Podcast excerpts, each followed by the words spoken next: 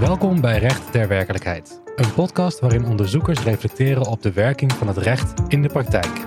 We laten onderzoekers aan het woord die een bijdrage hebben geschreven voor het tijdschrift Recht ter Werkelijkheid. Leuk dat je luistert naar Recht ter Werkelijkheid.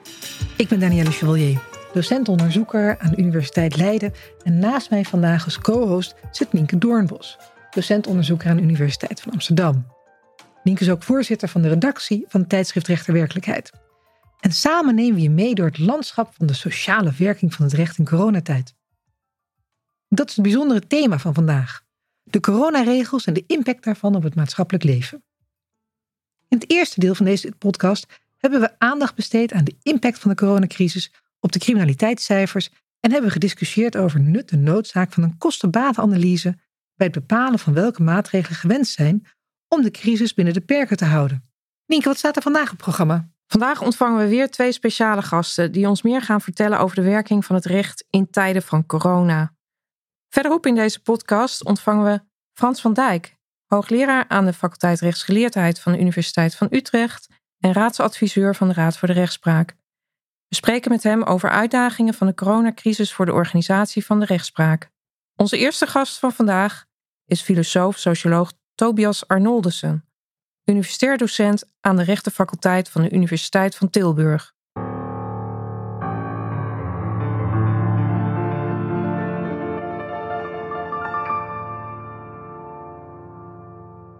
Wie heeft recht op een bed in het ziekenhuis en wie niet?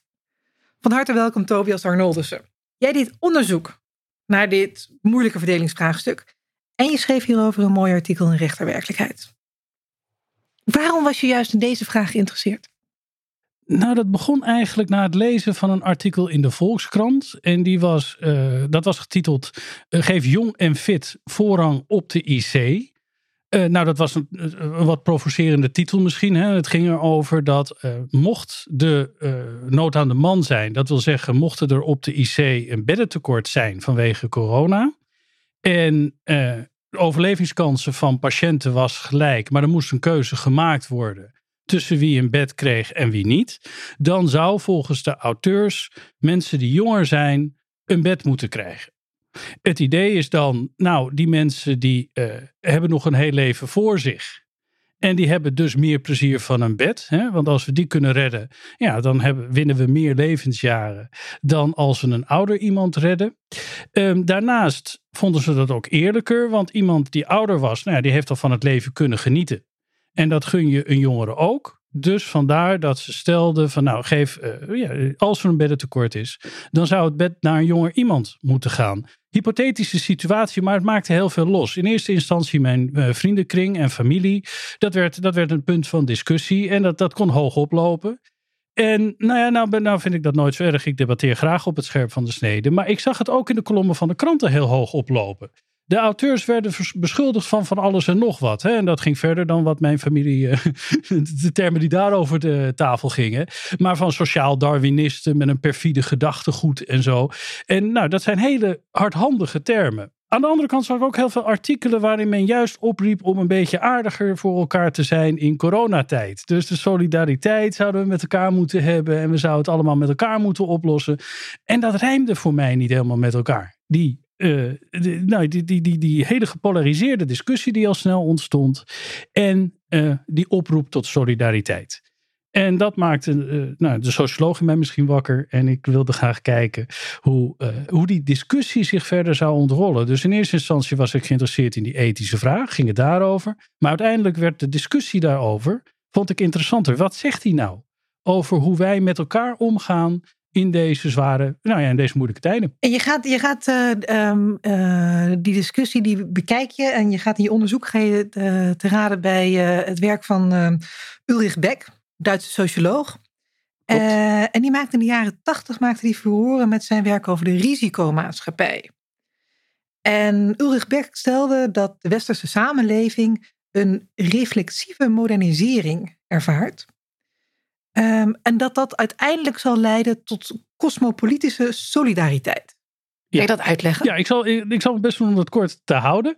Um, maar inderdaad, uh, Ulrich Beck is een van de grootste so sociologen op het gebied van risico. Hè? Wat doet risico met mensen? En zeker de grootschalige risico's waaronder wij nu leven. Nou, klimaatverandering uh, bespreekt hij. En hij bespreekt mondiaal terrorisme. Um, en in eerste instantie, in het eerste werk wat hij schreef net na de kernramp in, Tjern was dat, in 1984 kwam dat uit.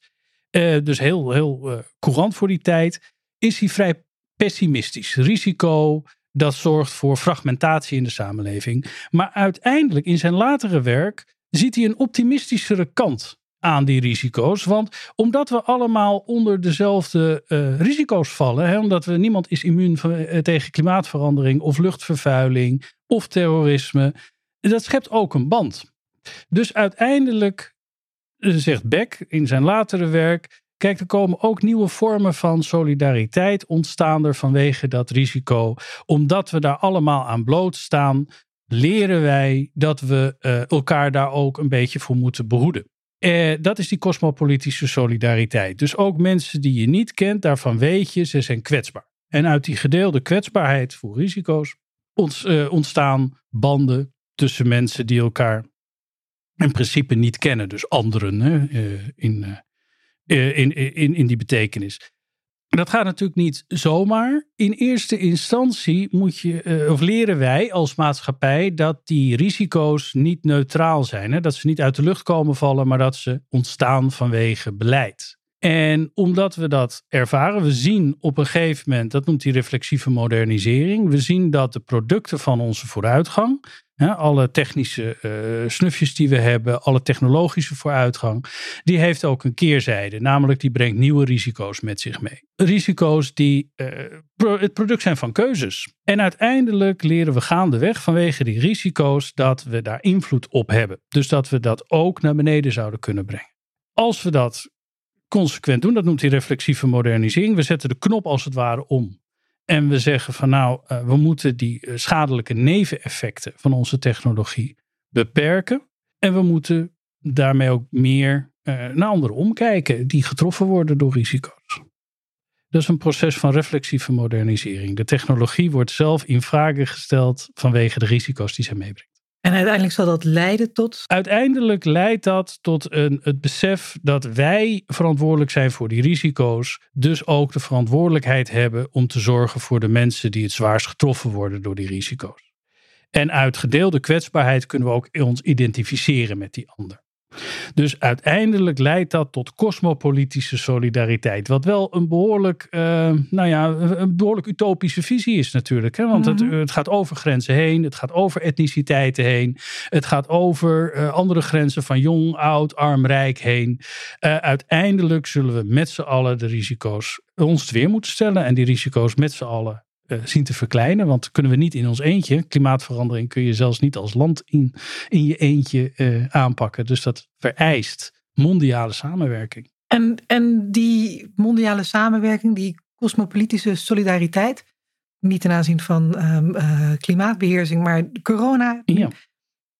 Wordt die bereikt in het Nederland van vandaag? Nou, dat is gedeeltelijk zo. Wat ik interessant vond, is om te kijken. Nou, ik kwam op die cosmopolitische solidariteit vanwege die oproepen tot solidariteit hè, in de kranten. Van nou, we moeten hier met z'n allen ons tegen te weerstellen. Daar zag ik Beck sterk in. Hè. We moeten dat met z'n allen doen. We kunnen het niet in ons eentje. En iedereen is verantwoordelijk om uh, op te passen dat je een ander bijvoorbeeld niet besmet. Iedereen is, uh, ja, zou zijn gedrag moeten aanpassen. Uiteindelijk zie je wel dat die solidariteit natuurlijk naar verschillende groepen wordt gericht. Hè? En die niet helemaal cosmopolitisch is, in die zin dat die alomvattend is. Uh, bijvoorbeeld, er wordt opgeroepen tot solidariteit tussen jong en oud. Met name.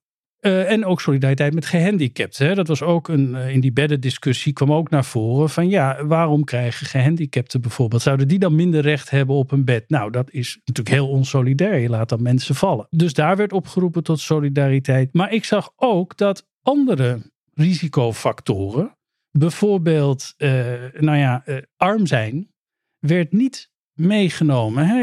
Er is een verschil tussen mensen die thuis kunnen werken en dan gewoon hun baan houden. En mensen die eh, elke dag toch de straat op moeten met het openbaar vervoer, verreizen naar hun werk, waarin ze blootgesteld zijn aan allerlei soorten van risico's en geen afstand kunnen houden, bijvoorbeeld. Nou ja, die lopen dus een hoger risico. Hebben die dan ook meer recht op een bed? Hè? Moeten we daarvoor zorgen? Nou ja, dat werd helemaal niet bevraagd.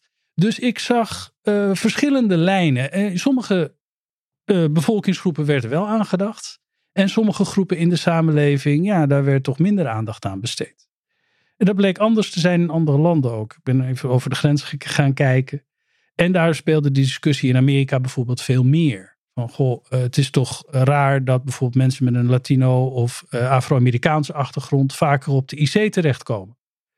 En in Nederland was dat op dat moment eigenlijk geen discussie. Dus ja, gedeeltelijk zie je hem, maar gedeeltelijk ook niet. Ja, dus je ziet op sommige vlakken zie je die toename, op sommige vlakken niet. Ja. Als je nou um, een stapje terug, die risicomaatschappij en wat jij nu hebt bekeken, hebt gedaan. Wat draagt jouw case study specifiek bij aan inzichten ten aanzien van die risicomaatschappij? Nou, dat in ieder geval um, uh, monolithische verklaringen hè, en ook dit soort hele rechtlijnige theorieën als die van Beck, ja, die moeten altijd genuanceerd worden. Want je ziet geen mars bijvoorbeeld naar, uh, naar cosmopolitische solidariteit. Je ziet eerder een, een, een, een versnipperd speelveld waarin bij sommige mensen solidariteit op gaat treden. Eh, maar die, die solidariteit sluit ook weer anderen uit. En dat zag je dus heel duidelijk ook in die Nederlandse discussie. Kwam na mijn artikel overigens, maar kwam die tweet van Geert Wilders. Hè, daar is veel over te doen geweest. Van ja, onze IC-bedden liggen vol met mensen van niet-westerse achtergrond. Wat, zei dat, wat zegt dat eigenlijk? Nou, hij trekt daar geen conclusies over. Maar eh, uit de hele context van die tweet begrijp je, uh, dat is een steek naar Juist mensen met, uh, met een andere achtergrond. Hè? Dus een ander scenario dan cosmopolitische solidariteit is ook mogelijk. Hè? Dat, je, dat het juist mensen uit elkaar drijft. Mm -hmm. Want waarom krijgen onze ouderen geen bed en uh, ligt er wel iemand anders uh, die hier niet vandaan komt op de IC? Nou ja, um, daar moet je denk ik heel erg voor waken als die, die cosmopolitische solidariteit. Je ziet, je ziet wel zo'n reflexief proces. Hè? Je ziet de, de, de, het beleid wordt bediscussieerd. De technologie daarachter wordt bediscussieerd. Ook de, uh, de rekenmeesters van het RIVM worden bekritiseerd. Dus je ziet inderdaad een reflexieve uh, reactie tegen dat technologische beleid en tegen het technologische vertoog. Dus wat dat betreft zie je zo'n reflexief moderniseringsproces. Dat zie je in wording. Maar je ziet niet zozeer die cosmopolitische solidariteit. Ja, die is gefragmenteerd. Dus dat dit een lineair proces zou zijn. Nou ja, dit is een kleine case study, maar daar kun je vraagtekens bij zetten. En dat zou je dan groter nog moeten onderzoeken natuurlijk, want dit is natuurlijk een klein fenomeen. Ja. En ook in het midden, in het heetst van de strijd natuurlijk. Hè? Dus misschien wisselt dat nog. Helder, dank. Uh, maar op dat laatste had ik inderdaad ook nog, uh, nog een vraag. Want uh, het is inderdaad onderzoek op het heetst van de strijd. En is het niet lastig om onderzoek te doen naar een onderwerp dat zo in beweging is? Ja, dat is lastig. Want je hebt het gevoel, het gevoel voortdurend achter de feiten aan te lopen. Er gebeuren steeds nieuwe dingen en die wil je steeds meenemen. Maar op een gegeven moment gaat dat niet meer en is het artikel klaar. Dus, um, dus je loopt inderdaad in zekere zin achter de feiten aan. Aan de andere kant is het ook wel heel spannend om te doen. Want het is niet dat je terugkijkt hè, op een periode en dan gaat invullen waarom iets zo gekomen is zoals het gekomen is. Uh, waarin het altijd volkomen logisch lijkt en, en helder is waarom de, ga, de, gang van zaken zo is gegaan zoals hij is gegaan. Maar je, je staat er middenin. Dus wat dat betreft, ja, zijn die conclusies natuurlijk voorlopig. Die, die kun je niet met grote zekerheid stellen. Maar um, wat je ervoor terugkrijgt, is dat je echt een vinger aan de pols houdt op, op de ontwikkelingen. Het is alsof je een, een wedstrijd verslaat die nog aan de gang is. In plaats van dat je de samenvatting even becommentarieert. Dus dat vind ik ook wel heel spannend. Maar goed, het, is, uh, het blijft dan voorlopige conclusies natuurlijk. Maar ja, uh, ze kunnen ons wel, denk ik, wat leren. En ze kunnen het ook uh, aanzetten, misschien tot een zekere verandering. Ze signaleren. Het is duidelijk, Tobias, je begon te vertellen dat je graag debatteert op het heetst van de snede. Het scherp van de snede, dat moet ik zeggen. En, en het is duidelijk dat je ook graag onderzoek doet of, in, het heet, in de Heet van de strijd, hoe zeg ik dit goed? Ja, en het heet van de strijd op de scherm. Ik vind het allemaal Allemaal leuk. Dankjewel. Heel veel dank. Dank Tobias voor eh, je interessante inzichten. En wie meer wil lezen, kan het artikel van Tobias Arnolds lezen in het tijdschrift Rechter Werkelijkheid op de website van uitgeverij Boom Juridisch. U ook bedankt. En eh, heel leuk om hier te zijn. Dankjewel. Tot ziens. Onze tweede en laatste gast, Frans van Dijk, is zeer nauw betrokken bij de rechtspraak, zowel in Nederland als in Europa. Hij is hoogleraar empirische analyse van rechtssysteem aan Universiteit Utrecht, raadsadviseur bij de Raad voor de Rechtspraak en projectcoördinator van het European Network of Councils for the Judiciary. Frans van Dijk, van harte welkom. Dankjewel. Jij hebt samen met Eddie Bouw, je collega van de Universiteit Utrecht, een artikel geschreven voor Recht en Werkelijkheid over de impact van de coronacrisis op het functioneren van de rechtspleging.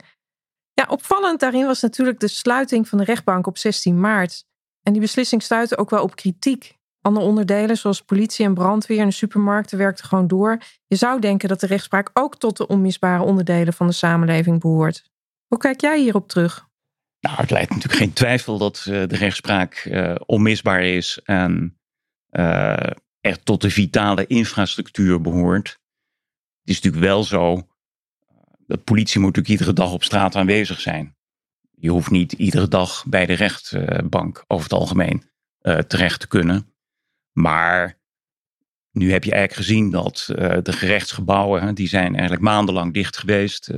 Heel veel zaken zijn niet doorgegaan, eigenlijk 90% Er zijn alleen de meest urgente dingen zijn, uh, hebben wel doorgang gevonden, zoals uh, uithuisplaatsingen van kinderen, uh, faillissementen in een hele andere hoek, beslissingen in de strafrechtelijke sfeer die niet anders konden.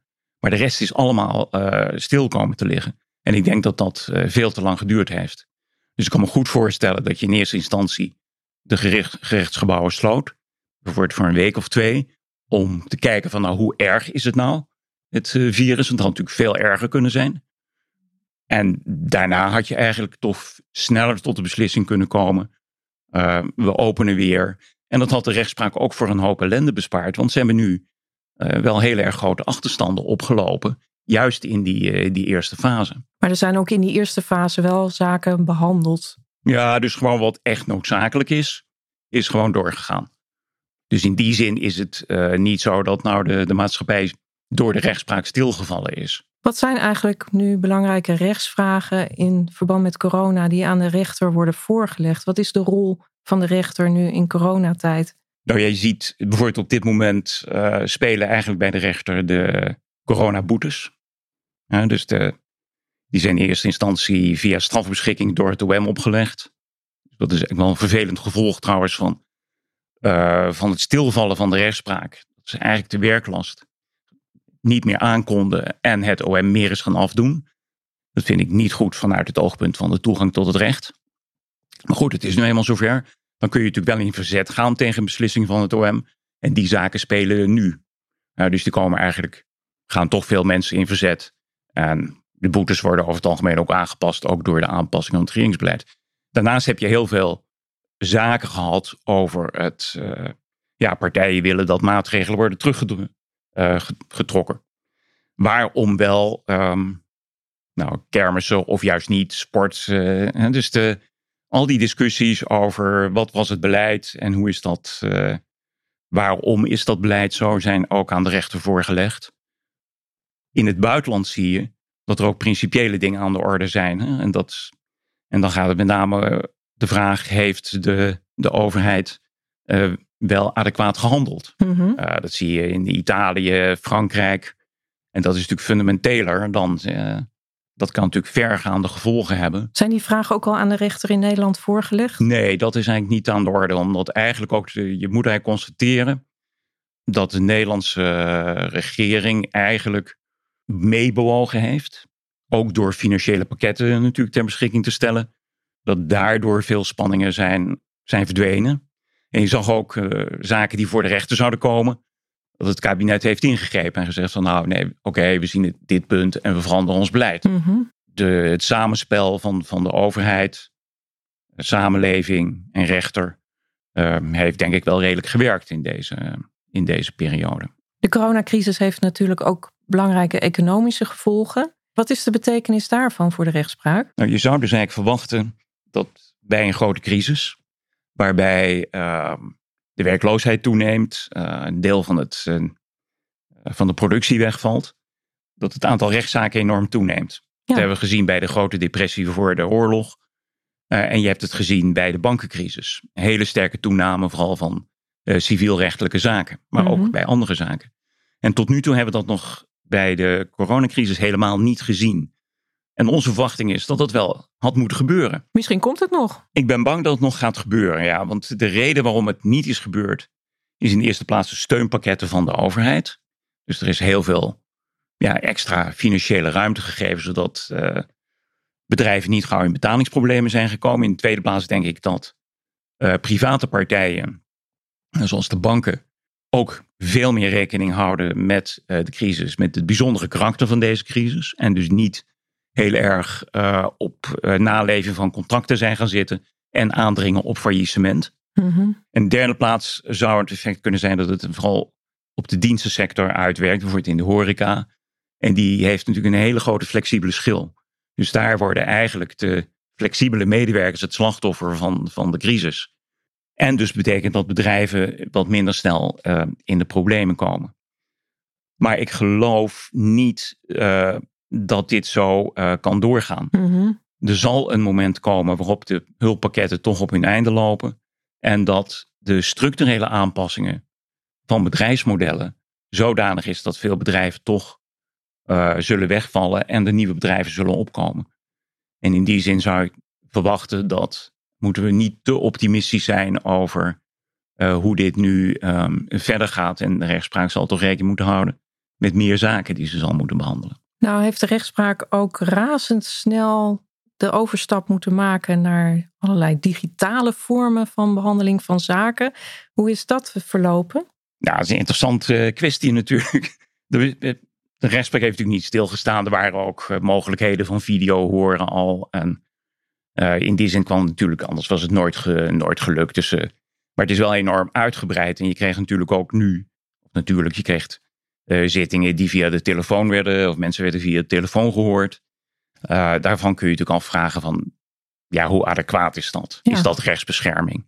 En ik denk dat je eigenlijk moet constateren dat dat in de eerste fase waar we het dan over hebben, dat dat niet onredelijk was. Er werden tenminste besluiten genomen.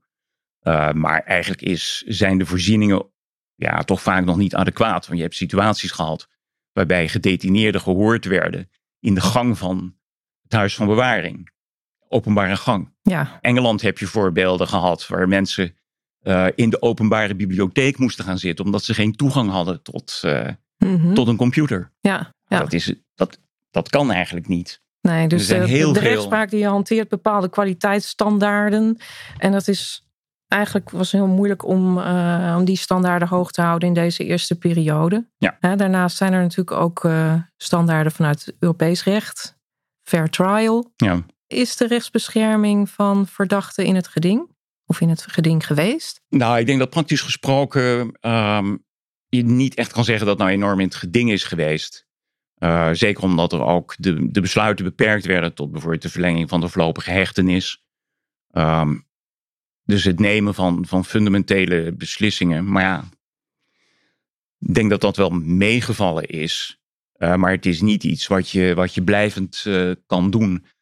Het probleem is natuurlijk eigenlijk dat in de Europese, uh, nou ja, zeggen de verdragen en dergelijke, heeft rechtsbescherming erg te maken met het in persoon aanwezig zijn, in persoon gehoord worden, je zitting helemaal kunnen bijwonen, in persoon. En de digitale equivalent ervan is eigenlijk nog niet ontwikkeld. Dus dat probleem is wel scherp aan het, uh, licht gekomen. Ja, er werd vanuit de wetenschap natuurlijk al eerder op gewezen dat dit een punt is. Maar dat zal ja, in de komende tijd, naar mijn gevoel, snel opgelost uh, aangepakt moeten worden. Zodat je weet wat het is. hoe je een wat adequate digitale behandeling is. Als je nou ziet, bijvoorbeeld door internetverbindingen die niet uh, adequaat zijn. Dus bij elkaar gesproken, je ziet van 20% van de, uh, van de digitale communicatie is gewoon niet goed gekomen. Dus Dus 80% is dan eh, Ja. is het horen van mensen via de telefoon of via de computer. Mhm. Eh, is dan wel gelukt, maar in 20% niet. Ja. Ehm, ja, en dat treft natuurlijk wel weer degene, de zwakkeren in de samenleving. Degene die niet beschikken over eh, goede computers of, nou ja, dus het al moeten doen met een telefoon, dan wel ergens in een openbare ruimte toegang tot een computer moeten vinden. Ja. Vervolgens is natuurlijk nog de vraag, als je gaat video horen, hoe adequaat is nou die apparatuur eigenlijk? Mhm. Uh, dat zag je ook met name in, in Engeland. Dat ja, als de belichting niet goed is, dan kan je natuurlijk helemaal niet zien uh, wat een persoon die je hoort, wat, hoe die, ja, zijn gezichtsuitdrukking zie je niet goed. En dat is waar rechters natuurlijk van het begin af aan altijd moeite mee gehad hebben. Dus van, ja, in de rechtszaal kan ik gewoon zien, uh, zie ik de body language en ook de gelaatsuitdrukking van mensen. En dat zie je niet als het uh, als de videoverbinding slecht is of uh, nou ja, de belichting niet goed enzovoort. Dat zijn op zich oplosbare problemen. Dat is natuurlijk gewoon onzin. Dat hoeft helemaal niet. Oké. Okay. Maar het betekent wel dat je moet investeren daarin.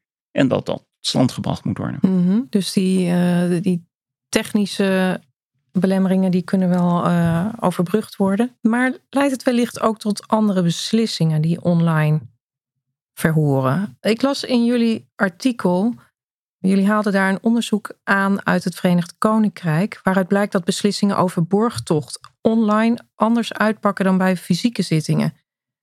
En jullie schreven dat in digitale zittingen 48% van de verzoeken om borgtocht wordt afgewezen, terwijl dat in persoon 32% is. Zo'n groot verschil, hoe kan dat? En is dat in Nederland ook mogelijk? Nou ja, in Engeland is dat vooral mogelijk door, wat ik eigenlijk net zei, slechte verbindingen, slechte belichting, waardoor rechters gedreven worden naar risicomijdend gedrag. Denken van ja, ik kan het niet helemaal goed beoordelen wat die persoon nou doormaakt en wat hij zegt of dat waar is. En dat je daardoor, en dat zie je natuurlijk al vaker, de, uh, dat rechters door, als de externe omstandigheden niet goed zijn, dat je dan schuift naar risicomijding. In Nederland is dat, is dat op zich ook denkbaar. Ik denk nog niet dat uh, de, de videoverbindingen altijd uh, perfect zijn. Nou is de digitalisering binnen de rechtspraak de afgelopen jaren wel een heel lastig traject gebleken hè, binnen de rechtspraak. Twee jaar geleden werd dat project uh, mm-hmm. Kwaliteit en Innovatie, KEI, hè, wat digitaal procederen mogelijk moest maken, stopgezet om verschillende redenen.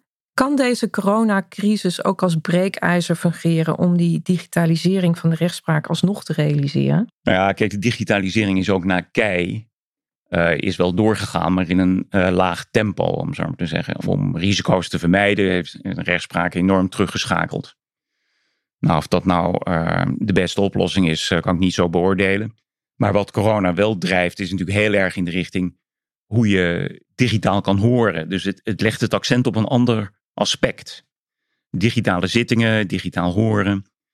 Maar dat drijft inderdaad wel de, het vergroot de urgentie. En het belangrijkste is, denk ik, dat het de weerstand bij rechters uh, sterk vermindert. Uh, dat was natuurlijk heel erg het geval bij, bij Kei. Oh ja, is dat nou wel goed genoeg? Uh, dus dat was er, daar, die weer, interne weerstand heeft eh, de rechtspraak enorm dwars gezeten. Nu zat je in een situatie dat of je neemt helemaal geen beslissing, of je doet het digitaal. Dus dat heeft mensen wel bereid gemaakt om hiermee in zee te gaan en het gewoon te doen. Mm-hmm. Nu moet je natuurlijk dat wel vasthouden. Want als je weer als de crisis over en je springt terug, ja, dan ben je weer op het, op het oude niveau. Dus je moet het wel vasthouden. Nou, dat, volgens mij zijn ze dat ook nadrukkelijk van plan.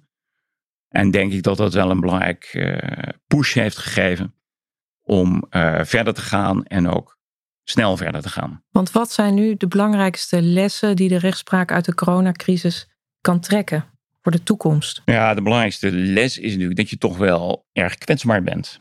Nou is natuurlijk de vraag, is zo'n coronacrisis, is dat nou een, iets eenmaligs wat we nooit meer tegenkomen?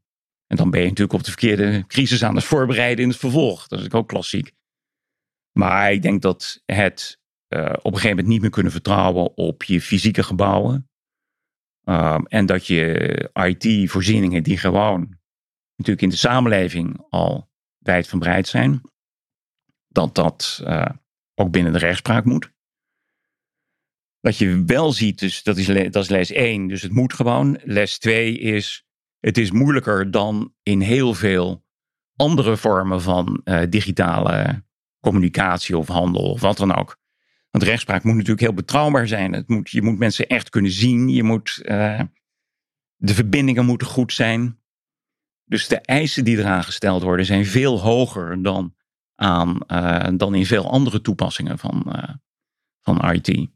En die les heb, is denk ik ook, ook geleerd. Dus de uitdagingen van de coronacrisis, die moeten de rechterlijke macht nog wel eh, verder aan het werk zetten om uh, die kwaliteit beter te kunnen waarborgen. Ja, en absoluut. En ik hoop dus ook dat als er zich een volgende crisis voordoet, dat men dan wel in staat is om de, zaak, de zaken digitaal goed te behandelen. Want er is natuurlijk geen tweede kans. Als je de tweede keer weer niet goed doet, dan heb je natuurlijk gewoon je kans gemist om te leren en er ook daadwerkelijk iets mee te doen. Zeker. Hartelijk dank, Frans van Dijk. Hartelijk dank voor je interessante inzichten en je tijd. Hiermee zijn we aan het eind gekomen van deze podcast. Over de werking van het recht in tijden van corona. En dat is het onderwerp van het themanummer van tijdschrift Rechter Werkelijkheid. Ik ben heel veel te weten gekomen. Gaan we het vaker doen? Voor tijdschrift een podcast maken? Ja, dat was een goed idee dat door een van onze lezers was geopperd in een lezersenquête die we onlangs hadden gehouden. Als het goed bevalt gaan we zeker vaker zo'n podcast maken over een themanummer van ons tijdschrift. Heb je als luisteraar ideeën of suggesties voor ons? Laat dan een reactie achter in de iTunes podcast-app. Meer informatie over het tijdschrift Recht en Werkelijkheid vind je op de website van Boom Juridisch. Het tijdschrift is nauw verbonden met de Vereniging voor de Sociaal-Wetenschappelijke Bestudering van het Recht, de VSR. En die website is rechtensamenleving.nl. Bedankt voor het luisteren en tot een volgende keer.